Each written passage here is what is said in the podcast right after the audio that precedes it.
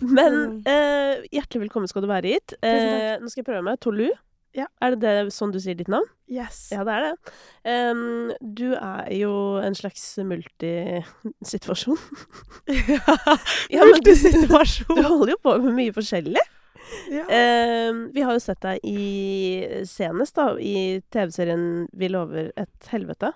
Mm. Um, som jeg i hvert fall Jeg vet ikke om jeg skal si koste meg med. Man koser seg jo med TV, Ja. men det betyr jo ikke at innholdet er gøy. Eller du vet sånn. Det var jo ikke først og fremst gøy innhold. Eh, Det var jo en dramaserie. ja. Um, og det var veldig fint. Uh, og så har du jo også hatt en artistkarriere gående uh, over en god stund. Mm. Uh, som har fått seg, må jeg si, en liten oppsving i løpet av høsten. ja. Syns du ikke det, da? Jo, jeg har liksom endelig fått um, ja, starta ordentlig. Ja. Og vært i studio. For jeg begynte jo liksom å jobbe med noen samarbeidspartnere i USA når, når korona brøt ut. Og da måtte jeg bare sitte i Tromsø og, og skrive og recorde meg sjøl og liksom Det blir litt, litt, begrensa hvor mye man fikk gjort. Jeg hadde ikke ennå vært liksom i studio og skrevet med folk eller vært med Så det fikk jeg jo liksom gjort nå, da. Um, jeg dro jo til eh, USA nå i, i mars av at jeg skulle på et sånt her moteshow. Veldig tilfeldig. Eh, Hugo Mot Boss. Å ja? Hva, da ble du invitert? Ja. Altså, det var første Hvordan sånn blir man det? Du, jeg vet ikke. Det var første sånn her eh, sånn fashion-jobb jeg har gjort, da. Og Ja. så var det sånn Å, dra til Miami. Jeg bare OK, kult, liksom. Men vent, bare stopp en hal. På hvilken måte er dette en jobb? Det er liksom ikke en jobb, men jeg vet nå ikke. Det var, jeg, OK, jeg skal begynne å jobbe med en sånn fashionagent um, som heter Ingrid, og så hun bare sånn OK. uh, første jobb, og dra til Miami. Jeg bare OK, det er kult. Så jobben din er basically å dra dit og være til stede. Ja, se på Og kanskje på en måte eh, Litt sånn det vises TikTok på sosiale medier. Ja, ja. Men det er jo det som, som artist, da, som en profil eller sånn. Mm. Ja. Så Ja. det var nå litt kult. Men også, det var jo bare to dager. Vi skal dra helt til andre sida av jordkloden og bare være i to dager. Nei. Nei. Og det var jo snøstorm i Norge, det var jo i mars. Og eh, ja, jeg hadde liksom Jeg trengte den sola så inderlig. Så da tenkte jeg bare OK, nå bare blir det her. De har jo kjøpt sånne first class tickets, så jeg kunne jo bare utsette den. Vet du hva, når jeg brukte den first class ticketen tilbake! Ja, sant. Jeg brukte den nå. I november, nå Nei, når jeg kom sant? tilbake. Jeg bare utsatt og utsatt. Bare, er nå bra. skranter det litt på kontoen her, så nå tar jeg den full fleksen Ja. tilbake. Det var veldig greit. Så da ble jeg bare eh, der borte, og så har jeg jo vært i LA før, og så var det folk som jeg hadde lyst til å jobbe med, altså skrive musikk med og sånn, så var det sånn OK, kanskje jeg bare drar dit i et par uker. Det ble jo et par måneder. Så um, Men hva sier dette om livet ditt? At du kan være så chill på tidsbruk, da? Eller sånn to dager blir til to uker, som blir til to måneder. jeg vet ikke. Det er jo liksom det å, være artist. Det er jo liksom Det er jo det som jeg egentlig gjør 100% Altså alt annet er noe litt på sida. Altså sånn Jeg driver ikke og går på noe sånn skuespillergreier eller noe særlig sånn fashion-greier. Det er jo liksom musikk jeg gjør hele tida, i studio hele tida, liksom styrer med det. Mm. Så det er det jeg vil. Det er det jeg alltid har gjort siden jeg var liksom lita pia, skulle man til å si. Ja. Sunget på scenen og sunget på jazzgreier og kirka. og Har liksom sunget der det går an å synge. Ja. Så det er liksom det som er min greie. Og det har jeg jo skjønt. Men for de som ikke på en måte har ja, fått med seg at du Mm. har kommet ut her, da. Eh, kan du ikke fortelle litt om lille Ida, da? Og drømmen? Ja. Den, den spede starten?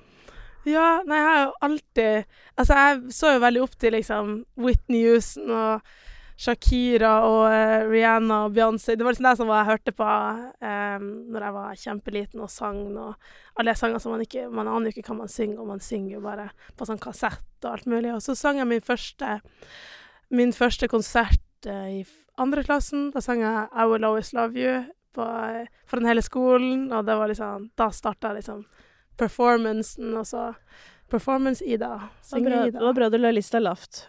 Ja. Første sang, bare rett ut der. Ja. Og Jeg har egentlig aldri vært så veldig redd for scener. Det sånn Men nei, det er jo bare artig. Men mindre, helt opp til ungdomsalderen der begynte jeg å bli litt sånn småstressa. Mm. Så begynte jeg i, i storebroren min sitt um, metal-band, for de trengte vokalist. Så de var sånn her Å, kan lillesøstera di steppe inn? Hun er jo sånn syngedame. Metal-band. Ja, det er det vi trenger. Ja!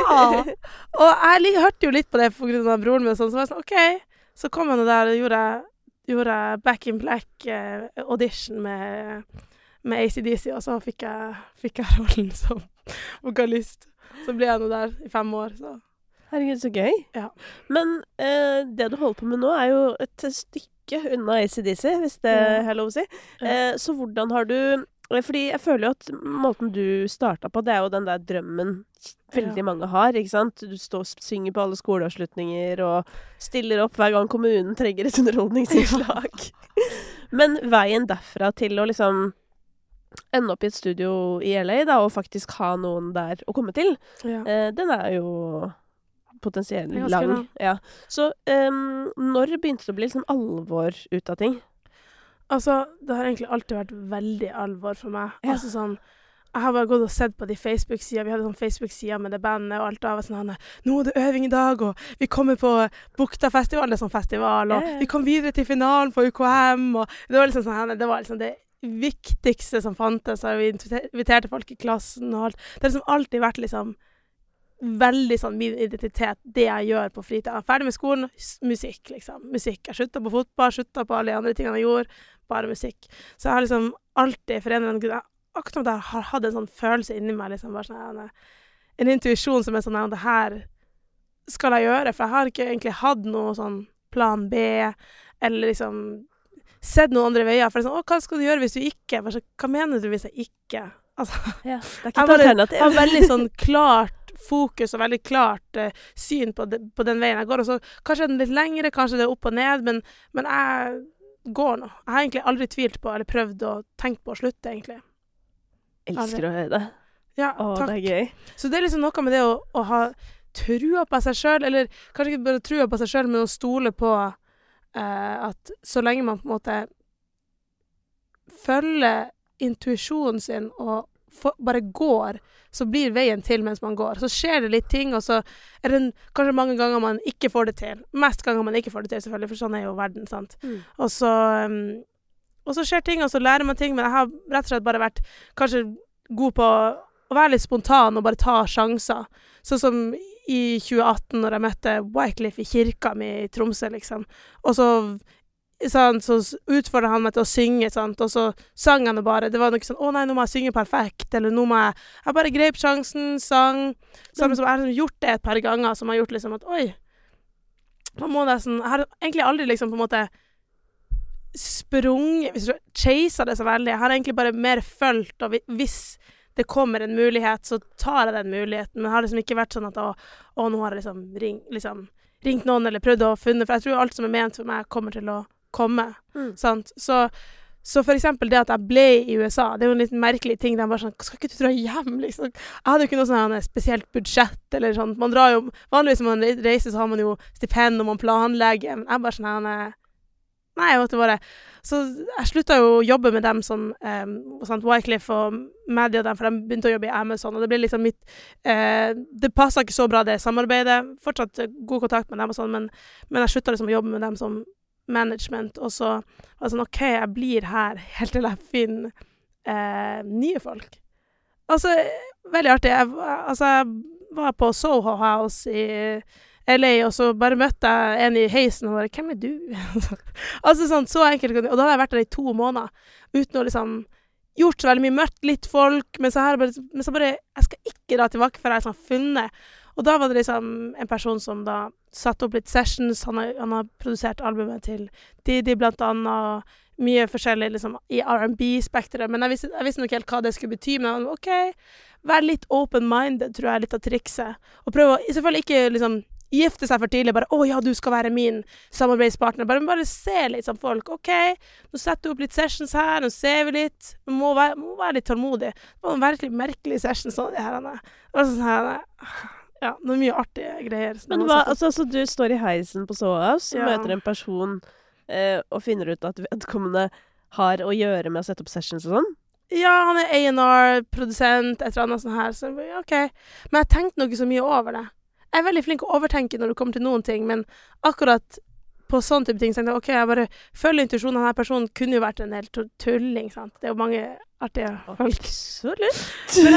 Men, jeg, men, jeg var nå prøvde bare litt å se, stole på meg sjøl. Jeg, har jo, jeg klarer jo som oftest å se folk og hvem de er, og liksom Men ja, hva ledet dette til, da? Ja. Så hadde han satt opp noen sessions, og jeg peiste nå bare på, gjorde det beste ut av hver session, og så var han sånn OK, nå vil jeg introdusere deg til eh, en spesiell person.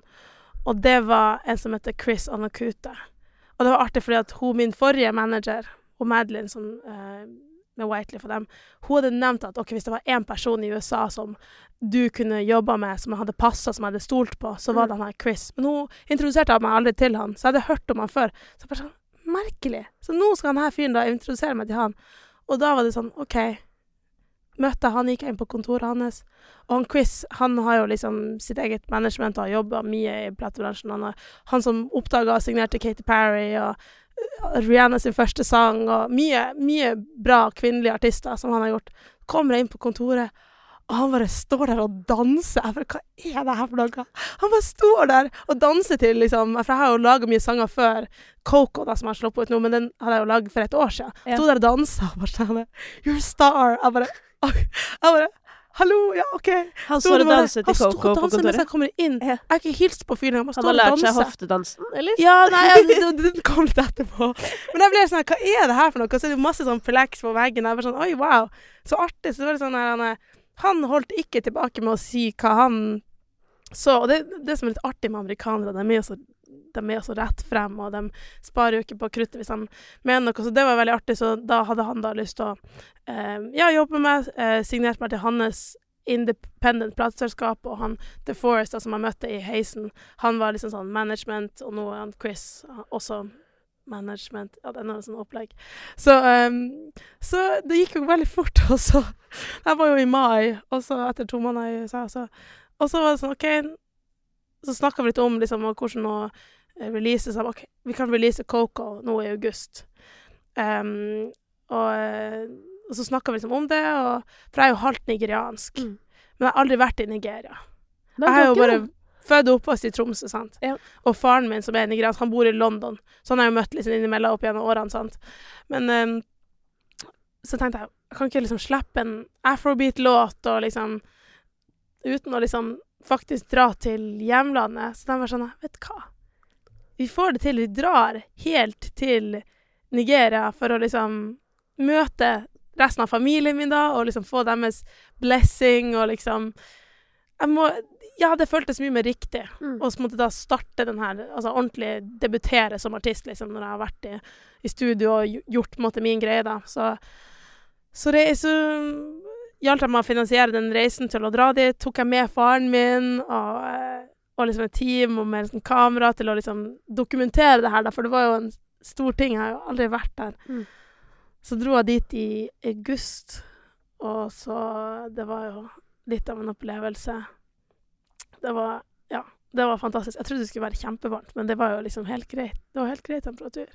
Jeg trodde jeg skulle svette. Du hører jo Afrika, som blir det helt sånn «Ah, Hvordan skal jeg fra Tromsø klare det her? Det var helt greit. Og så møtte jeg jo familien, og det var Det var veldig spesielt, altså.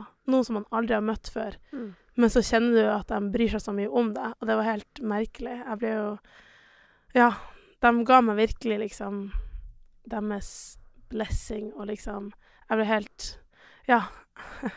Jeg ble jo begynte å gråte. Det var helt De sto liksom der i en sirkel og liksom ba for meg. Jeg ble helt sånn eh, Det var helt eh, utrolig, liksom. Sånn, jeg har aldri liksom helt skjønt på en måte den delen. For du skjønner jo, du vet jo at man er liksom halvt nigeriansk, men hva betyr det når du aldri har vært der? sant? Så um, når jeg da dro dit og bare sånn så, så det, og så hvor på en måte fin og liksom velkommen man var, liksom, for jeg er jo liksom lyshuda, og de sier jo at folk som er ikke er liksom mørke, er liksom hvit, liksom, og tenker man at man blir liksom litt, u, litt sånn, sånn forskjellsbehandla, men det var liksom ikke sånn i det hele tatt. Det var liksom sånn For alle som du møtte på gata, og tilfeldig var veldig sånn Welcome, my sister. Liksom sånn. Og jeg var sånn wow. Så det var liksom, og så hadde jeg liksom søskenbarn som var sånn små, og som var kjempe liksom takknemlig for at jeg hadde liksom kommet, og så hadde de liksom reist i to timer for å komme og se meg, og det var liksom Ja, det var en veldig spesiell opplevelse, og da følte jeg OK, nå kjenner jeg liksom mer til begge sidene av meg, nå kjenner jeg meg sjøl bedre, nå vet jeg hvordan jeg kan på en måte ordentlig debutere som artist, på en måte, i denne Ja, i verden, på en måte. Nå vet jeg litt mer hvem jeg er, nå vet jeg hvordan jeg skal gjøre det her, på en måte. Hvordan var det å bare se altså, omgivelsene, da? Altså hvordan det er i Nigeria? Det var, det var veldig kult. Altså, vi var ikke så mye på sånn eh, exploration. Jeg satt noe mye inn i det. Det liksom Det er jo litt sånn farlig også, for det er jo, det er mye sånn her, For folk som er utenlands, så kan man liksom ha sånn security og all sånn type ting. Så vi var mye inne og hadde liksom sessions og sånne type ting, og dro til spesifikke plasser for å liksom Var veldig sånn skal dra hit og dit. Men var, vi var jo på stranda, blant annet, og vi skulle ta en eh, visual av Altså bare sånn noen klipp for eh, Coco, da, den sangen. Og så sa jeg bare nei, vi tar heller og lager musikkvideo på stranda. Så det var sånn jeg film meg mens jeg lipsynker nå. Og så bare, lå jeg på, på steinen og bare me, me, me. Jeg var sånn der, jeg tok det litt på sparket, da. Og så kom det plutselig noen hester forbi, og så bare å, jeg vil sitte på hesten. Så jeg bare sånn, hva er det hun holder på med her dama? Så, gikk jeg bare, jeg er jo ikke noe god å ri hest. Jeg tror jeg har ridd hest en gang før. Så bare, vet du hva, jeg setter meg på den hesten. Jeg kommer sikkert ikke til å dø. Så satte jeg meg på hesten, og så filma dem noe, og så kom det noen okser. Det var veldig, veldig interessant at det bare kom masse dyr. Så det var veldig kult at det bare, det bare går masse dyr. Og så var det veldig, det var veldig vakkert, altså. Det var, det var absolutt veldig fint. Mm. Det er jo Jeg har sett eh, Jeg mener det er en dame som bor Eller mener det er i Nigeria, faktisk, som er veldig stor på TikTok. Som eh, poster mye sånn videoer av at uh, hun bare sånn Alle tror dette er et postkart, Men men det er ikke det. Jeg står her, liksom, og så er det bare helt sånn ekstrem vakker natur. Å, så gøy. ja, så det, Det er, jeg ja, det, det er jo en ting jeg elsker med internett, da, apropos. At sånn Alt ettersom hvordan du tilrettelegger algoritmen din, men du kan jo også oppsøke det. At endelig kan vi se hele verden sånn den faktisk er. ja. Du vet sånn, Ikke gjennom reiseportrettet til en eller annen vestlig person som skal lage en dokumentar, eller du vet Mm. sånn derre Men du kan faktisk bare se på helt vanlige mennesker. I hvert fall mange steder i verden, da, der hvor det er lov ja. eh, med internett og sånn. Det er sant. Ja. Jeg tok jo med liksom litt følgerne mine på TikTok og sånn, og drev jo dokumenterte litt når jeg var, når jeg var der, ja, mine reaksjoner til alt mulig. Og bare, Ja. Herlighet, jeg ble så glad når jeg var på stranda. Da følte jeg at da jeg liksom, da var jeg liksom i naturen. Da var jeg liksom eh, Da hadde jeg kommet dit, liksom. Mm. Og så var det bare masse folk der som sto der og jobba sammen med, og så sto vi og filma dem. Bare, hva er det som skjer? De, å, begynte de å samle seg rundt, og så tok vi jo med noen folk. Og så, senere i den musikkvideoen så dro vi ut til en sånn øy langt borti en sånn båt til en øy. Og så kom det bare noen sånne unger gående forbi, og så bare begynte de å danse. Til at vi sto, vi sto og lagde musikk, så begynte de bare å danse. Bare, og det var jo litt seint på kvelden, det var litt sånn småmørkt, og så bare, så bare sånn eh, Så begynte de å komme inn i kameraet, bare Hallo! liksom. Det her var jo helt fantastisk. Og så, utrolig naturlig. Og så var liksom videografen sånn Nei, kanskje vi ikke skal ta dem med. Liksom sånn, så bare Jo, la dem få lov til å, la dem få lov til å danse. Mm. Så dansa de nå. Og så tok vi dem med i musikkvideoen. Men Det var så liksom De bare går. Og så er de bare sånn kjempetalentfulle og bare danser. Bare ser ut som profesjonelle dansere. ja, det er, det er mye bra der ute, altså. Alle kan danse. Men uh, hva syns familien din om uh, musikken Om uh, den familien min i, Nigeria. Nigeria? Ja. Ja, det var veldig artig. Jeg, spilte det, og så sto de der og dansa. Og de var veldig glade. Så bare Play it again! Play it again! Bare, OK. Så spilte vi nå det. Jeg tror, de, jeg tror de likte det. De sier jo ikke så veldig mye. Altså, de greiene der er litt sånn ja, de, de sier ikke så voldsomt De sier noe, og så er de også veldig sånn, litt sånn reservert. Så de sier liksom helt sånn ja, nei, We believe in you, og liksom Ja, du, er veldig bra, og liksom De er litt sånn Så når de sier noe, så betyr det liksom veldig mye. ja, det er jo nesten litt norsk. Ja. si. Det er jo Det litt er jo eh, litt jan- norsk. jentestemning. Sant? Mamma er også egentlig litt sånn. Men um, Ja, fordi at det er jo Altså, nigeriansk musikk har jo fått også et voldsomt oppsving i nyere Mm. tid, da, så det er jo litt sånn Ja, det er jo veldig mye som skjer, og det er jo veldig Mm. gøy å se òg. At det kommer òg lyd som er liksom autentisk eh, fra forskjellige steder i verden, og Mm. så får den musikken faktisk lov å skinne som Ja. den er. Det er helt utrolig, egentlig. Det er jo merkelig, for jeg har jo liksom hørt på liksom liksom pop. Jeg kommer, fra, jeg kommer jo herfra sant, og hører på skandinavisk pop og elsker jo sånne type ting. Og, og så har jeg liksom Når jeg da møtte han pappa, så spiller jo han bare afrobeats. Ja. Så sånn har jeg jo det forhold til det.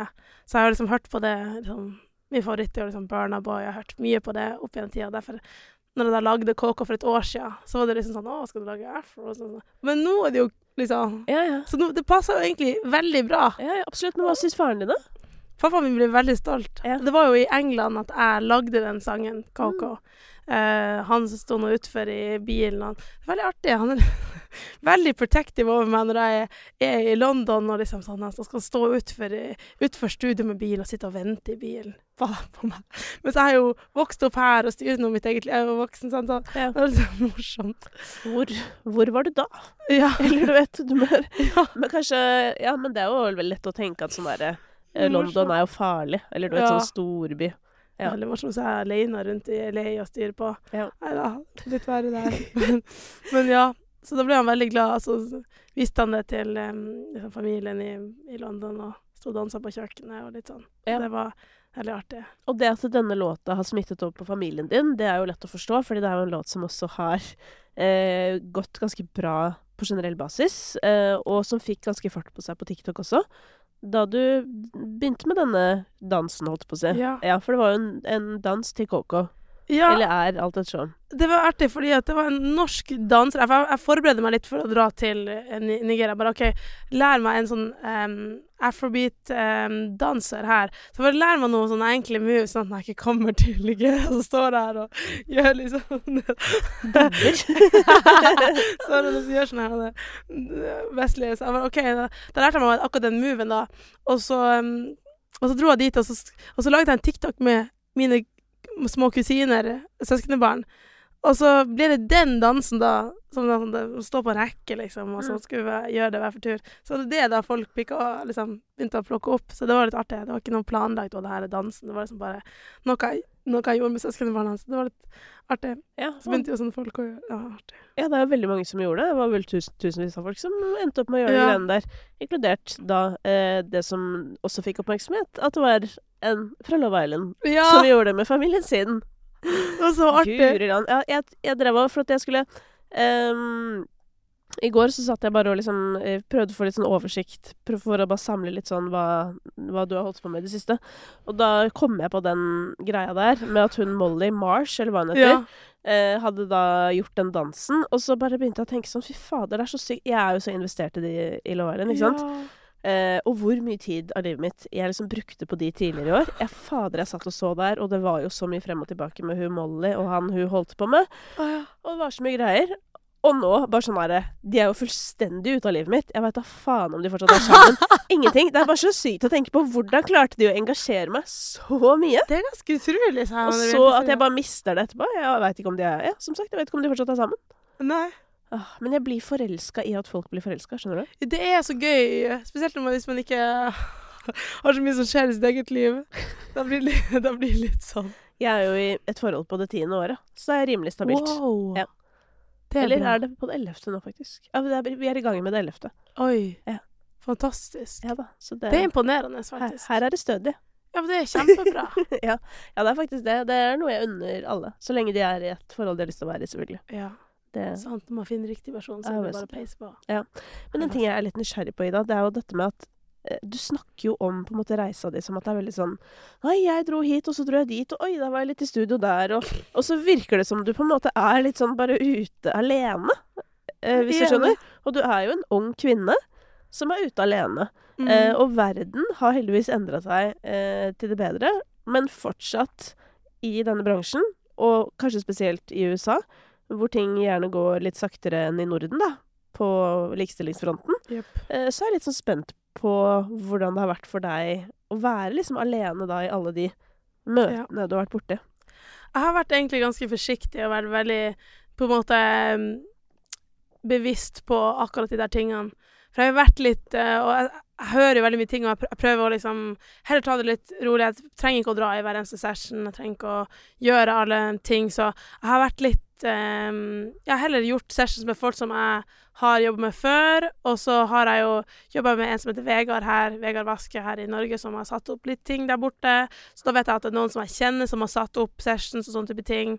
Og så møter man jo litt folk. Jeg, jeg tror man rett og slett må være veldig eh, lojal til den intuisjonen. Altså det, det er det alt går Altså den magefølelsen, det er det alt går går uh, tilbake til. Ja. Uh, du merker jo fort, egentlig, om noen er litt sånn Eller jeg vet ikke om alle merker det. Men hvis man får en liten sånn OK, denne personen er kanskje litt sånn shady eller red flags, eller Ja. Så burde man kanskje høre på det. Men hvordan merker man det i USA? Det er det jeg ikke skjønner. Fordi alle skravler jo altså, altså Det renner jo ut av folk.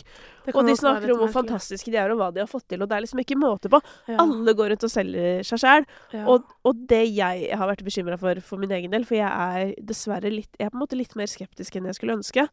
Men det er jo nettopp fordi jeg har Mhm. gått på Eller jeg har ikke gått på så mange smeller, men jeg vil ikke eh, bli sittende i en situasjon som blir ubehagelig. Mhm. Og derfor går jeg heller fra situasjonen eh, en gang for mye, da, enn en gang for lite. Nettopp. Hvis du skjønner. Men Det det, er jo bra. også sånn kjedelig å bli en sånn skeptiker. Ja. Det er kjedelig, men, men det er nesten sånn at når du da kjenner at det er riktig, da peiser du på. Så bruker du energien din der. Altså, er det alle de her eh, andre små trådene, så tar du og venter. Sant? Vite at det som er riktig for deg, det kommer til å komme til deg. Ofte hvis man er litt sånn 'Å, denne produsenten er så kul, jeg må jobbe med han', og så kanskje nesten chaser man det litt, så kan de, så ser du kanskje litt mer desperat ut, og så har de lettere kanskje for å utnytte det. Sant? Utnytte at du er liksom i en desperat posisjon. Jeg må ha denne sessionen med denne produsenten, og så kanskje fleiker de på deg, og så er du Så det er nesten sånn at den, den innstillinga som du har, nesten blir på, Altså, det påvirker litt hvordan de behandler deg, nesten. Mm. Hvis det er sånn Ja, jeg har kanskje ikke Ja, vi må se om vi skal ta en session. Du får snakke med denne personen. Om så du ikke, en- om så du ikke har en manager, ha en eller annen person kanskje som kan være litt sånn mellommann, for da skjønner de at du ikke er helt alene. Selv om jeg er helt alene i LA, så har jeg kanskje en person jeg kan Ja, OK, snakk med manageren min, eller denne personen, eller om så det er mora di, om å liksom, ja, ja. sette det opp, eller sånn. Så det er liksom noe med det, sånn, sånne små ting man kan si for å gjøre folk litt sånn OK, hun er seriøs. Det er Ja. ikke noe tull her. Sånn, her kan ikke vi tulle. Så eh, heller være litt forsiktig, sånn som du sier. Jeg tror det er helt riktig. Ja. Men jeg kan spørre hvor, hvor har du fått denne eh, tryggheten fra? Tryggheten Jeg vet ikke. Hun mamma er jo litt sånn uredd. Hun dro jo bare til London når hun var 20, jeg husker ikke, 25, kanskje. Da møtte jo faren min. Hun bare dro, liksom. Det er kanskje noe med det. Jeg vet ikke. Nordnorsk, eh, sterke dame. Vi klarer oss sjøl. Fordi, er norske fordi hvor mange år er du? Jeg er 25. Ja, fordi det høres ut som du er 40, liksom. Ja, men skjønner du? Nei, men i, Helt til jeg begynner å i snakke på en måte i roen din. Altså, for, Forstår du litt hva jeg mener? Du har Ja. en ganske, uva, du er ganske uvanlig sånn chill. Å, Ja. takk. Det var hyggelig sagt. Nei, altså jeg, Ja, jeg har jo kanskje gjort Altså det å være liksom Å synge og være artist siden jeg var liten, så har jeg kanskje gjort at jeg har vært i veldig mange ukomfortable, utenfor komfortsonen-situasjoner. Og det er jo liksom der man må, må rett og slett bare pushe seg sjøl. Man må rett og slett Man må rett og slett være litt modig for å kunne klare å liksom gjøre det her, på en måte. Så Ja. det vet jo sikkert mange artister, at man må liksom tørre å gå ut på scenen hvis man har en dårlig dag. Man må liksom tørre å ta den sjansen og gjøre de tingene. Man må Hvis man ikke på en måte acte, altså man, hvis man ikke på en måte handler på de tingene som skjer, og bare sant, går med det, så, så st står det jo litt stille, sant. Så det er kanskje, kanskje litt derfor jeg har på en måte blitt trent til det alltid. Og så ja, mye situasjoner sikkert som har gjort at jeg har ja, måttet klart meg sjøl, rett og slett. Hva av sånne der, eh, dårlige opplevelser på din vei, Ja. eh, hva er på en måte sånn det verste rådet du har fått av noen? Verste rådet Folk sier noe så mye morsomt. Nei, jeg vet ikke helt. Hva er det verste rådet? Kanskje jeg bare har glemt det, for det var så dårlig. Bare sånn der, inn, inn ene året. Ja, men har du fått eksempel råd om sånn derre hva slags retning du burde gå i som artist? Eller du vet sånn derre At noen har prøvd å fortelle deg hvordan du burde være? Det er overraskende lite. Jeg skulle tro at det var mer, for de folkene jeg jobber med nå, er jo, jobber jo på veldig på en måte, høyt nivå, og jeg skulle tro at de kanskje har litt mer å si, men så det er sånn de vet ikke så veldig mye. Så prøv dem å si ting. Det er veldig morsomt. De siste par månedene etter jeg slapp det musikken og har vært i LA, det er mye morsomme meninger. Sånn ja, du skal poste tre ganger om dagen på Instagram. Jeg bare sånn, nei, tuller du? Altså først så fikk de meg til å slette Instagramen min som jeg hadde. Jeg hadde jo en Instagram som jeg hadde bygd opp, og alle mine nye liksom, folk fra TikTok og alt mulig hadde liksom fulgt den. Så bare nei, nå skal vi rebrande det. Så da skal vi ta bort eh, Ida, mitt første navn, altså for fornavnet mitt, og bare holde mellomnavnet. Det er jo enklere, for de, de klarer jo ikke å uttale For en eller annen grunn klarer ikke å si Ida i USA. Da sier de Aida eller Aida. Så da ble det Tolu, da. Og det Ja, for det blir Aida, for det er Idaho. Eller noe ja, sånt og så er begynner de å skrive det opp. Ja, det blir bare helt tull. Ja. Så da tok vi bare, tar vi bare ett navn, det er noe greit nok. Det er jo et nigeriansk navn. Ja. Så det er jo mitt mellomnavn jeg har hele livet. Jeg har jo egentlig vært litt sånn nesten redd for å bruke det. For jeg var, litt, sånn, jeg var litt annerledes husker jeg på skolen. Og det er sånn, eneste brune kiden på hele skolen er jo fra Tromsø, sant. Det er jo veldig opp, opp i nord, sant. Det er ikke så mange som ser ut som meg der. Så var det liksom alltid så rart å hete liksom Ida Tulu. Sånn Kjelsberg, sant. Ja. Så har jeg bare brukt, brukt de andre to navnene. Så nå liksom var det liksom OK. Stolt av meg sjøl og min identitet, og hva jeg tar og bruker det som artistnavn. Mm. Men for eksempel, det var jo litt Det er jo et tips som de på en måte kom med. Jeg tok jo det, altså Fjerna nå Instagrammen. Å ja, start en helt ny Instagram. Tolu Gram. Altså, sånn- litt morsomt. Litt morsomt. De bare Ja, veldig bra navn. Og, så man må jo høre på litt, men så må man også skjønne at de her folkene som kanskje kan mye om musikk, de kan jo ikke så mye om alt annet. For de, kan ikke noe om sosiale medier. Så de begynner å si hvordan jeg skal poste på TikTok. Og så, du, jeg har hatt TikTok eh, før dere og hatt masse eh, fans, og nå må dere sette dere på plass. Så de siste par ukene har jeg vært litt sånn sånn Nå, hvis du skal si noe om mine sosiale medier, får du får du få en social media manager, ikke du, liksom. altså bare sånn, Du vet masse om musikk, men uh, alt annet det.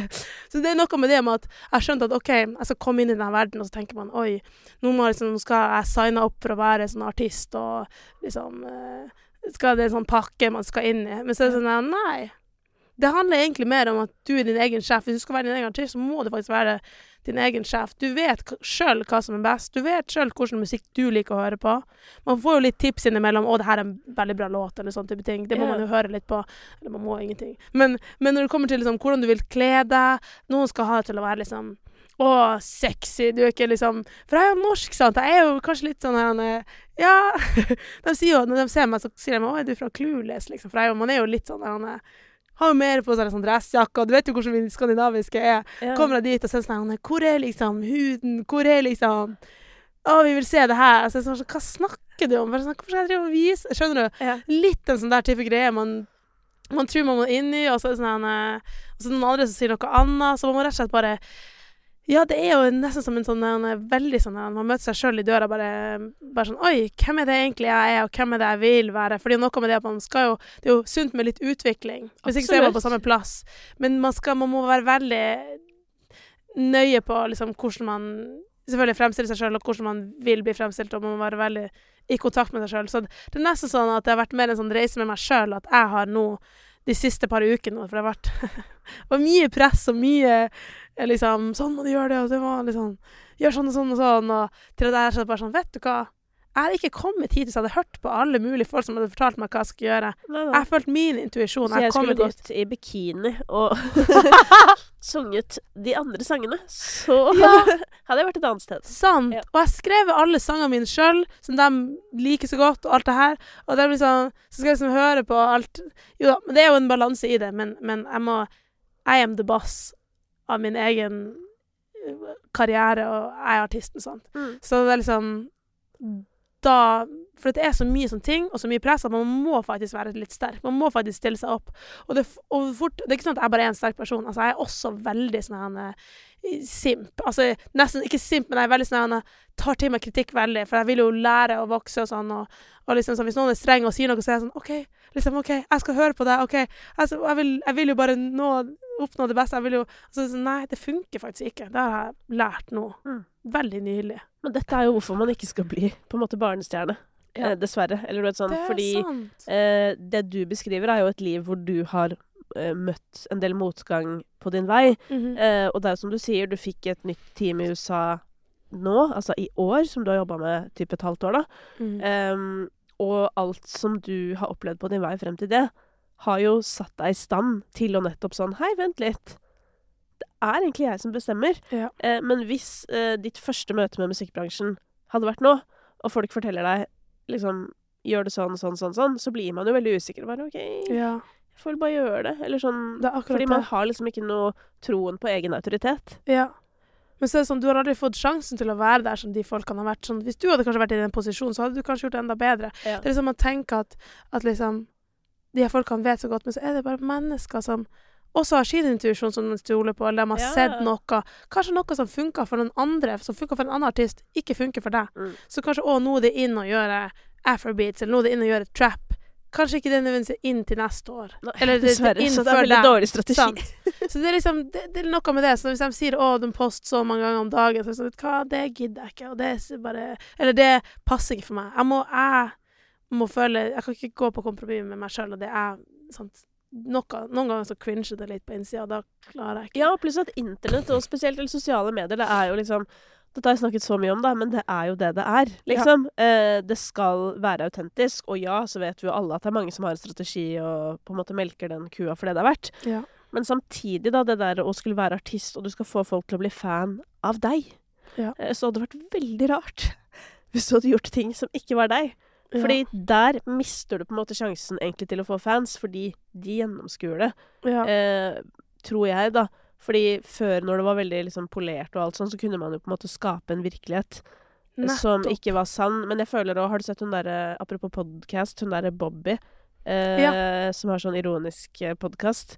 som da er en, en dame som driver og Hun intervjuer dritstore artister og ligger i sofaer og senger og gud veit. Det er funny, men det ble jo masse sånn trøbbel eh, en Uff. periode tidligere i høst fordi eh, det kom fram at hun er egentlig drithyggelig og glad, liksom. Åh. Og så hadde hun litt sånn problemer med å velge mediestrategi. Sånn skal jeg eh, Ja, ja, skal jeg bare si ja, jeg er sånn her! Men når jeg intervjuer folk, så, ble, så er jeg sur. Eller sånn. ja, Eh, så, men så prøvde hun først å bare late som hun var sur. At hun bare var sånn. Og så ble alle sånn, så begynte å komme sånn gamle klipp av henne. Sånn her, se her, hun er blid! Det var sånn, fordi det er sånn, og det, det var så gøy. Og nå har det løst seg, for nå har hun liksom Ja, nå har hun gått for den andre strategien. Men eh, det er bare så gøy, fordi det er sånn Folk avslører deg. Man gjør Så det. bare vær deg sjæl, eh, Mm. fordi da kan det ikke gå galt. Det kan ikke gå galt. Og i hvert fall ikke hvis du da er trygg i den du er, da, som du virker som Ja. du er. Så er det sånn Det er den eneste strategien. Ja, man er trygg helt til man plutselig ikke er det. Så det er liksom sånn, det er jo noe som går litt opp og ned. Ja, selvfølgelig. Jeg, jeg skrev en låt nå i august eh, med en norsk produsent, Flatmate, nå, som jeg Ja. nå slapp for en, en uke siden, to uker siden. Ja. Og den, den handler jo veldig mye om at jeg synger om at jeg er mitt eget hode, og at jeg liksom er veldig hard on myself. Så det er liksom sånn, det, går, det er jo en sånn nesten som berg-og-dal-bane, nesten sånn det selvbildet du har noen gang, og selvtillit da. Og det, det er visse ting man kan gjøre for å selvfølgelig bygge seg selv opp, men sant, mange ting kan skje i livet som gjør at du blir Plutselig så detter du av ballen, eller så plutselig så føler du deg kjempedårlig. Noen kan knuse hjertet ditt, noen kan liksom Sant Gi deg masse, si masse stygge ting om deg, du kan få hat på nettet Mange ting som kan skje, sant. Um, men det er liksom det Finne en måte som man klarer å komme seg tilbake på, og, og, det, og da Det er liksom det jeg synger om i den sangen, og det er liksom det, litt med det OK, gjør visse ting som som gjør at du kjenner deg sjøl, og at du Sant. Du kan bygge deg opp. Og altså. dette er den låta hvor du hadde en ghanesisk Ja. feature, var det det? Ja. Ja, den likte jeg. Nei, ja, det, men altså, Flatmate, kan du ikke fortelle litt om, om eh, samarbeidet der? Ja, altså, vi hadde tror vi hadde den første session i januar, eller før Eller februar, eller noe sånt. Ja, januar var det. Det husker jeg. Så eh, da lagde vi eh, en låt Det tror jeg er min favorittlåt, faktisk. Av alle jeg jobber med, jeg tror den er favorittlåta hvis man laga. en veldig sånn poplåt. Ikke kommet ut eller noe. Det er vel sånn Ja, må, må se hvor det passer. Og så hadde vi en til session nå i august, når jeg var tilbake her i Norge, og så lagde vi den. Og da Ja, det var jo før jeg dro til Nigeria og alt, og da så snakka jeg om det at liksom Man må liksom være grei mot seg sjøl før man kan finne den rette. For hvis du finner Hvis du leter etter en person og du kanskje er litt nede, så kanskje finner du ikke rett person, så når du da blir en sterkere versjon av deg sjøl, så passer det sant ikke. Så det er liksom litt med det å Jeg har jo vært liksom eh, Ja, singel nå siden januar, og liksom vært veldig sånn OK, jeg må liksom for jeg liker å være i forhold. Jeg har mye sånn kjærlighet å gi. Jeg syns det det er veldig hyggelig. sant? En love girl, liksom. Ja. sånn, sånn, sånn, Relaterer. Ja! Relaterer. Ja, Ja. veldig sånn forholdsperson, på en måte. Så sånn, OK, jeg må eh, liksom ta meg litt tid for meg sjøl, og så må jeg liksom selvfølgelig satse på mm, musikken og jobben, og så har jeg jo reist mye og sånn. Eh, Mye artige afrikanere. Så det funker jo ikke helt. Så jeg liksom Så jeg bare rett og slett måtte liksom si til meg sjøl OK, jeg må Selv om det er litt kjedelig å være alene, og sånne ting, så er det noe med det å liksom ta seg tid til å faktisk klarer å være alene. Jeg er jo veldig ekstravert. Jeg tror jeg tok en sånn test. Jeg tror jeg er sånn 90% ekstravert. Jeg tror det, er sånn her, så det er veldig kjedelig for meg. Men det har vært en learning curve av det å, å måtte være alene. Veldig mye alene i LA. Mm. Det er jo mye folk der som man kjenner, men så det ikke du ikke være sammen med alle mulige folk. sant? Så henge med folk som ikke er helt uh, Nei, for det blir fort sånn derre Å, du er norsk, og du er Skal vi Altså, ja. eller skjønner du? Det syns jeg. Men jeg syns jo det er litt cute, men det er sånn hver gang eh, en norsk artist er der, så er de i huset til Emet. Eller du vet sånn derre Ja. Eller sånn Det er bare sånn Ja. Norsk uh, greie. Norsk greie. Som er, Det er veldig veldig er hyggelig, da. De, jo, de norske er jo veldig oppegående som oftest. Vi er veldig oppegående i dette Ja. landet. Det har jeg merka. Så det skal vi ha. Så det er jo, veldig, det er jo litt enkelt å gå, gå den veien, men, men um, sant. Man kan ikke bare henge med de norske De har kanskje har fått noen norske venner der. Men, men um, amerikanerne derimot, de er jo litt eh, Så man kan, ikke bare være med hvem som helst, sant. Nei, eller sånn, jeg bare føler sånn hvem kan man stole på? Det var det. Ja. Og hvor nære er vi egentlig? Fordi det er så innmari god stemning, men det er kanskje ikke privatstemning. Dette er en Nei. profesjonell god stemning. Altså, ja, det er mye det. Det er det som er litt med eller som gjør det kanskje litt sånn ensomt, som mange snakker om. Det at det er veldig mye folk, veldig mange hyggelige, man blir veldig glad av å være der.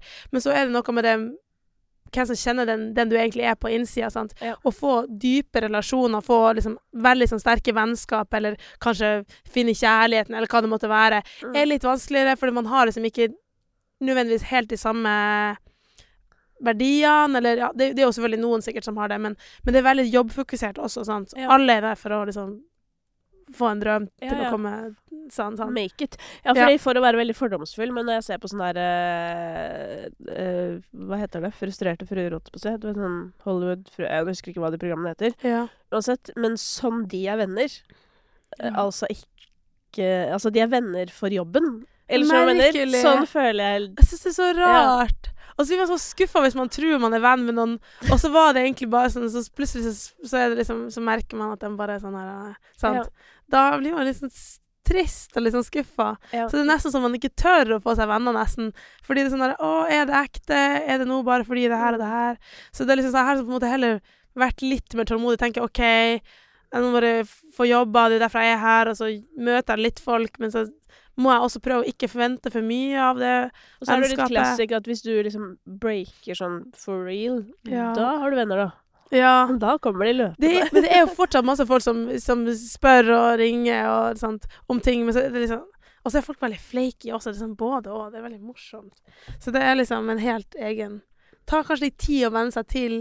Så nå har jeg jo vært der kanskje sånn seks måneder til sammen i år. Ja. Så det er liksom jeg begynte å skjønne litt opplegget. Mm. Så altså må man jo Man må jo stole litt. Man må jo tørre å bli kjent med folk også. Man kan ikke bare være sånn. Ja, det var litt som jeg sa, det er derfor jeg har jo en Ja. liten sorg over skeptikeren i meg, ikke sant. Fordi hva, hva går jeg glipp av, ikke sant. Ved å være alltid liksom «Mm, Her er det noe rart. Men eh, du nevnte det så vidt, men du jobber jo også med en som heter Vegard Vraske, som er en Ja. norsk manager. Eh, som blant annet har jobba med eh, Cashmere Cat i, Ja. siden starten, basically. Mm. Um, og som jobber med Sophie Loud og litt sånn andre typer artister. Hva, hva betyr det på en måte å ha en som er norsk, og som på en måte kjenner hvordan hva skal jeg si, vi er, men Ja. som samtidig har et såpass liksom, etablert nettverk i den store verden? Det betyr altså veldig mye, fordi at man kan jo møte hvem som helst i USA, og så virker de liksom som at de har 'they got your back', og liksom alltid sånn her. Og så plutselig så snur det. Folk er veldig sånn her eh, frem og tilbake, og litt sånn Ja. Der, vi, der vinden blåser. Ja, rett og slett. Ja. Så liksom det å ha noen som er som du, vel, som du kan stole på, som er stabil, og det, det har veldig vært til hjelp. Jeg begynte å jobbe med han for et år siden. Og eh, Helene i Music Norway som introduserte oss for Bylarm. Og så bare, ah, han må du snakke med. Og så ble det jo liksom sånn. Har vi liksom, har alltid, selv om jeg har vært i utlandet, så har jeg alltid hatt en oppegående person som kjenner til bransjen, og som også kjenner til Norge og de norske verdiene. Det er liksom noe med det. Det har vært veldig trygt. Så det anbefales hvis man skal altså, Uansett hva man gjør, at man har i hvert fall en person man kan stole på, som er litt sånn, eh, litt sånn forelder og passer på. Og, ja, er du sikker på at du skal gjøre det her? Ikke, var ikke det litt rart at han sa det her og det her? Men ja, litt sånn, sant. Det er så viktig. Om så det er en forelder, eller om det er en god venn, sant. Som, Mm. som har noen som er litt sånn Det er så viktig. For det kan være utfordrende å ta mange valg, eh, og stå der alene og sant. Så det har vært veldig bra. Men um, av alle liksom, mulighetene du har fått til nå, som du jo er flink til å hoppe på, eh, hvilket liksom, rom eller hvilken opplevelse av de du har hatt til nå, har vært mest sånn derre mind-blowing å tenke på sånn Ja. Hvordan er jeg her nå? Ja, det er nå Holdt jeg på å si fortsettelsen av historien etter jeg slapp min første låt. Jeg vet ikke engang om jeg kan si det her. Det er ikke helt offentliggjort. Kanskje jeg skal gi en liten exclusive detail. Det syns jeg.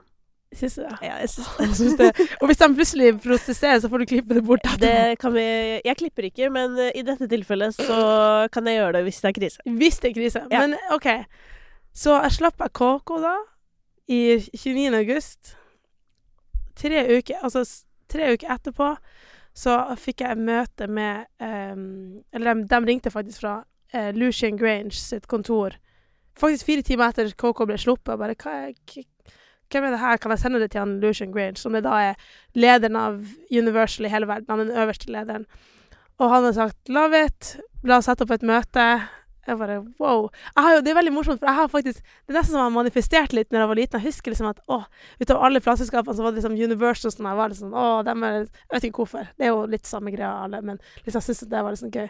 Så artig at det liksom For vi hadde liksom ikke begynt å shoppe liksom dealen. Vi skulle jo ha liksom major label og sånn. Vi skulle liksom gjøre det nå etter, etter KK hadde sluppet. Så sånn, men så vet du hva, nei, vi drar rett til på en måte, alt å si, the source og liksom eh, Ja, rett og slett sjefen i, i hele selskapet. Det er jo ganske risikabelt, fordi hvis han da er liksom sånn Nei, det her var bare sånn tullartist. Hvem er jo jeg, liksom? Ja. Så tar du jo bort liksom muligheten fra alle underselskapene. Ja, ja, ja, det Overalt. Da, liksom sånn, så det er en veldig stor risk. Men Mm. det, der måtte jeg være litt sånn Ja, vet du hva? Jeg har trua vi feiser på. Vi drar dit. Så tre uker etter den ble sluppet ut, så dro vi på det kontoret. Og det vil jeg si det er møtet som var mest sånn wow. Ja. Altså, så, det, var bare sånn sykt. Ja. Rett og slett komme inn i det bygninga og så møte øverste sjefen. Han var så utrolig hyggelig. Og jeg bare, altså jeg hadde litt sånn møter med folk, men han var liksom sånn veldig trygg. Og liksom ble veldig godt kjent med meg og spurte meg mye spørsmål. Jeg følte meg veldig komfortabel, så jeg fikk en veldig god magefølelse. Jeg bare sånn, dette likte jeg. Så så han dokumentarfilmen som han hadde laga om Nigeria. Spilte sangene mine to ganger, altså fem sanger liksom på nytt igjen. Og det var liksom veldig sånn her kjempehyggelig møte. Og så var han liksom I'm sold. Så, så uh, tok vi et bilde, og så satte han opp, og så bare ja. Sendte han kontrakt, og Altså, de ville signere meg globalt, da. Ehm, ja, så derfor har jeg liksom Jeg har ikke, annonsert det helt, for de sånn 'Å, skal vi vente til nyår med å si noe?' Men så er det sånn samtidig sånn Jeg er nå i Norge, hvordan vet de Hvordan vet de hva jeg sier på norsk? Nei da. Men det er jo helt rått, da. Ja, det er helt Herregud, sykt. gratulerer. Tusen takk. Shit. Det er liksom mer sånn eh, Ja, man tenker jo på hvordan man skal gjøre det, og så tenker man jo på sant, labelsene i Norge og alt det her. Jeg møtte jo noen av dem i, i, i LA og sånn, og, men liksom, jeg har ikke liksom Ja, første personen han drar til, og så er det liksom den største personen. Det var bare helt sånn merkelig. Men hva betyr dette nå for fremtiden? Altså, hva, hva skjer på nyåret, da? Altså, nå De skal putte meg på Virgin, som da er hans liksom Litt sånn selskap, men han har liksom For han vil liksom ha liksom litt en fot innafor liksom for Hvis han gir meg til eksempel Def Jam eller noen av de andre som er under, så blir det liksom litt ut av hans kontroll. Han har Ja, liksom lyst til å være med. Ja, ja. Og han har jo ikke signert noen siden Amy Winehouse, tror jeg.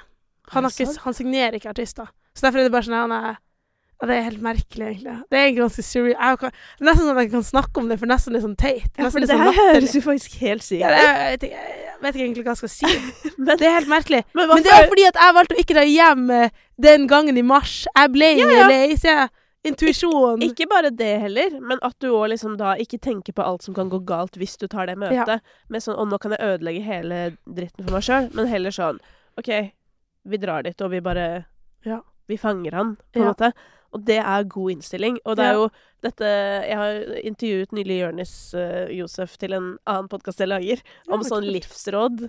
Uh, men han sa sånn Han bare High risk, high reward. Mm. Det er sant, liksom. Bare sånn, Man kan sant. ikke leve risikofritt. For det er sånn derre Da vinner du ingenting, da. Ja, og det var ikke noe enkelt, bare for å si det sånn, å være i LA uten liksom noe sånn særlig budsjett, og måtte sove på sofaen til en venninne som jeg møtte i desember, og det var veldig spesielt. Det var en kort sofa, det var liksom Sant. Ja. Det var ikke noe sånn glamorøst opplegg for å komme dit, men når man har veldig har veldig den viljen, så Ja, man må rett og slett sette seg sjøl i, i det miljøet der ting skjer. Man Ja. kan ikke bare liksom Hvis jeg hadde sittet i Tromsø og hadde Jeg husker jeg syntes det var skummelt å, flytte til Oslo. Det var kjempeskummelt. Jeg Ja, ja. sånn, flytte fra mamma første gang. Ja. Men det, man nesten må bare få fingeren ut og bare faktisk gjøre det. Selv om det nesten byr litt imot, så må man bare sette seg ut der.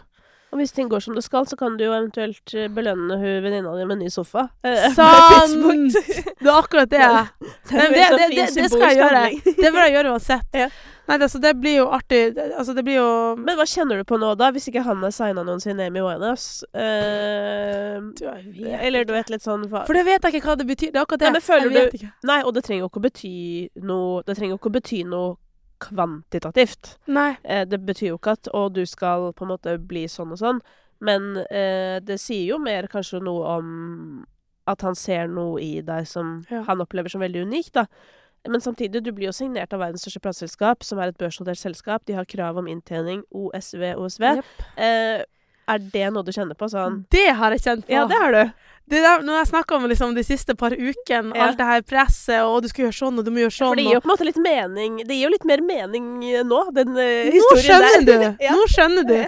Det var, jeg, jeg, før det så 'Å, du er så flink', 'Å, ja, bra jobba', 'Koko, gjør det bra', 'Å, bra'. Ja. Og så får jeg platekontrakt, og de her store folkene som jeg jobber med, da, sant? Ja. de her som har jobba med store stjerner før, til og med dem blir stressa. De har aldri tatt inn en artist i en Lucian. Sant? Og så kommer jeg inn der, og så sånn Åh, Så blir det jo eh, så, så blir det liksom Får dem press på seg, for de ser jo også opp til deg. Altså Alle i musikkbransjen ser jo liksom opp til han. Sant? Han er jo størst. Sant? Så liksom at han har liksom så, nå, nå må vi prestere. Hvis vi feiler nå Så det er sånn det blir sånn frykt for å feile, istedenfor å bare levere. Men det er jo ikke sånn jeg fungerer. Jeg fungerer mer sånn at jeg har trua. Jeg, jeg har nå gått på denne reisen hele livet mitt. Og så Mm. kommer det jo nye Og det mamma sa før jeg gikk inn i møtet, hun bare sånn ikke vel, Det er bare en person, du trenger ikke å liksom være stressa for at 'Å, nå er det sånn og sånn'. Du har nå gått på den reisen som du kommer til å gå på, og så kommer de her folkene bli en del av din reise. Rett og slett. Du må bare fortsette å gå. Mens hvis, Det er også en veldig stor lærdom. Hvis man på en måte er mye på den lavere frekvensen og på fear og liksom Å nei, fear of failure, og nei, nå må jeg prestere, og nå må jeg chase, og nå må jeg sånn og sånn og sånn, og man poster så mange ganger på sosiale medier, så funker det ikke. Man må vite at man er bra nok, og selvfølgelig må man jo også jobbe og gjøre ting og levere, selvfølgelig. Men når man er så mye på denne fear eh, Altså, det er jo en helt sånn Det har jeg bare merka de siste to månedene. Det har vært veldig mye sånn fear og Ida, hvis ikke du leverer nå, så er det sånn Og hvis ikke du gjør sånn, sånn, sånn, så, så kommer du ikke til å klare det. Og jeg er sånn Hva snakker du om? Ja, dette, er, greie. dette sånn. er ikke positiv innstilling. det Eller er bare ikke Det Nei, funker og det er ikke. ikke motiverende. Ikke motiverende. Det har vært veldig For det er helt fordi, La oss være ærlige, du har en, dere har jo en oppgave dere må angripe. Mhm. 100% Men eh, ut av glede. Det er sånn Ja. En sjefen i verdens største plateselskap har troa på meg. Ja. For et fantastisk utgangspunkt. Ja, Nettopp. La oss jobbe med det. Jeg tror de tenkte liksom sånn at å, nå skal ikke hun få det her i hodet på, nå skal vi på en måte jekke henne litt ned. Men det funker jo ikke. Ingenting går i hodet på meg. Jeg er fra Tromsø. Altså, Ja. jeg, Jeg er ikke jeg, der blir jeg skal. jeg blir ikke cocky. Altså, det, det er ikke sånn Altså, jeg er veldig sånn at jeg skjønner at ting er vanskelig i verden. Ja. Uansett om han har signert meg, trenger ikke å bety noe. Kanskje jeg bare havner på Altså, hvem vet? Kanskje det bare blir tull. Kanskje alt blir en flopp. Hvem vet? Det vet jeg at det er en mulighet. Så da på en måte skal jekke meg ned, funker jo ikke det. Så det har vært litt sånn eh, Men nå har jeg begynt å nesten ta litt sånn lederstilling og sagt at nå må dere være litt sånn positive. Nå må dere Jeg vet at jeg får til det på min vei. Jeg vet ikke om det her er Man kan ikke vite om akkurat den her eh, label-greia kommer til å funke. Man vet jo ikke, men jeg vet at jeg kommer til å, å gjøre min del, og jeg vet at jeg går på min vei, rett og slett. Så Det er bra at Ida 25 må være den i rommet Ja. som sier dette. Ja, ja men faktisk. så det er liksom det. Så hvis, hvis man har for mye fear, da får man angst, og så får man nei, Det går ikke an. Ta bort det der. Så det har jeg kjent på. Det har ikke vært så veldig enkelt. Og så har jeg ingen familie rundt meg. Har ikke noen særlig venner som jeg på en måte sånn, kjenner godt. Det er jo folk som jeg kanskje da finner på noe med på fest og sånn, men det er sånn det å ha liksom den store tingen som nå skjer, og, og karriere og, og managere som legger press og sånn, og så har jeg sant, så kan vi snakke med mamma om det. Da kan vi snakke litt med liksom, hva hun skal skjønne om liksom, alle de der tingene. Sant? Og det, det er noe med det når man ikke Så det har jeg også funnet ut av at oi, jeg må ha folk rundt meg som bygger meg opp også. Ja. For jeg kan jo være så sterk jeg bare vil, men, men det fins jo til et visst punkt, sant. Ja. Så mor som har liksom Kanskje den norske manageren som sier at det her går bra, du, du er ikke crazy, eller du er ikke sant dårlig artist, eller sant? alle de tingene. Men så har jeg også funnet litt selvtilliten i det at jeg liksom har vært i mye sessions nå de siste, de siste par ukene og bare liksom levert sanger. Ja. Og da blir de sånn OK, OK. OK, du er artist ordentlig, ja. Ja. For de, de signerte meg jo bare med noen sanger, sant. Ja. Og bare sånn Å, kult. Men de har faktisk sett at jeg, at jeg er en låtskriver. Det er jo det jeg liksom er en artist, liksom, sånn, på den måten at jeg ikke bare synger, sant. Mm. Jeg, det er sant. Jeg elsker å lage musikk, sant. Ja. Så når jeg er i session med alle de ene hitprodusentene som er litt sånn så jeg blir ikke Jeg bryr meg ikke hvem det er. Om det er en norsk eh, produsent, eller om det er en annen sånn superprodusent Jeg leverer noe. Jeg må jo bare ja, du er jo på jobb uansett. ja, jeg må jo bare Ja. lage musikk sammen. Så da er det sånn OK, da kan jeg alltid gå tilbake til Musikken er det viktigste. Ja. Det er så viktig. Mm. Det er liksom om, om man har postet så mye på sosiale medier, eller om man har de rette klærne, eller sånn og sånn, sånn Musikken, hvis ikke det er bra musikk, hvis ikke det er en hit, så er det ikke noe vits. Ja, da er det jo ikke noe. Nettopp. Så, Så- det kan jeg alltid ha tryggheten i, at Ja. musikken har jeg inni meg, inni hjertet mitt. Ja. sånn. Åh, herregud. Dette her har vært en helt nydelig prat, uh, Eh, Sjukt gøy å høre om. Ekstremt inspirerende. Jeg, jeg vet jo at mange artister hører på dette. Jeg bare håper at de ja. blir inspirert, liksom. Og, Følg intuisjonen deres, og ikke vær redd. ja. Og så må jo vi, for å si det mildt, plukke opp tråden. Ja. Eh, fordi Nå ble jeg så spent på alt som skal skje. Eh, men det, det hadde vært helt fantastisk å bare ja, plukke opp tråden når, Ja. eh, når du vet mer. Eh, Og i mellomtiden eh, Dette kommer til å gå dritbra. Tusen takk. Altså sånn jeg, jeg, jeg, jeg er også solgt. Åh, ja, jeg er solgt på deg òg! Du aner ikke hvor glad jeg ble for å få lov til å være med i podkasten. Jeg har sett, liksom, sett deg opp gjennom årene. Jeg synes du liksom, du, liksom veldig kredibel og, og liksom veldig sånn ærlig, bra dame. Liksom. Music tastemaker. Det var det, jeg- det, var det jeg sa til det amerikanske livet mitt. Yeah. Nå skal jeg på the, the, the Best Music Tastemaker in Norway podcast. Bare sånn du vet det. Så Herregud, det er sykt koselig. Det skal jeg ta med meg inn i helga. ta med deg det. Takk for at du kom, i dag. Tusen takk. Hey, it's Paige DeSorbo from Giggly Squad. High quality fashion without the price tag. Say hello to Quince. I'm snagging high-end essentials like cozy cashmere sweaters, sleek leather jackets, fine jewelry, and so much more. With Quince being 50 to 80% less than similar brands. And they partner with factories that prioritize safe, ethical, and responsible manufacturing. I love that. Luxury quality within reach. Go to quince.com slash style to get free shipping and 365 day returns on your next order. Quince.com slash style. With the McDonald's app, you can get your favorite thing delivered to your door. So if you were looking for a reason to skip washing those dishes you left in the sink, consider this a sign. Ba-da-ba-ba-ba.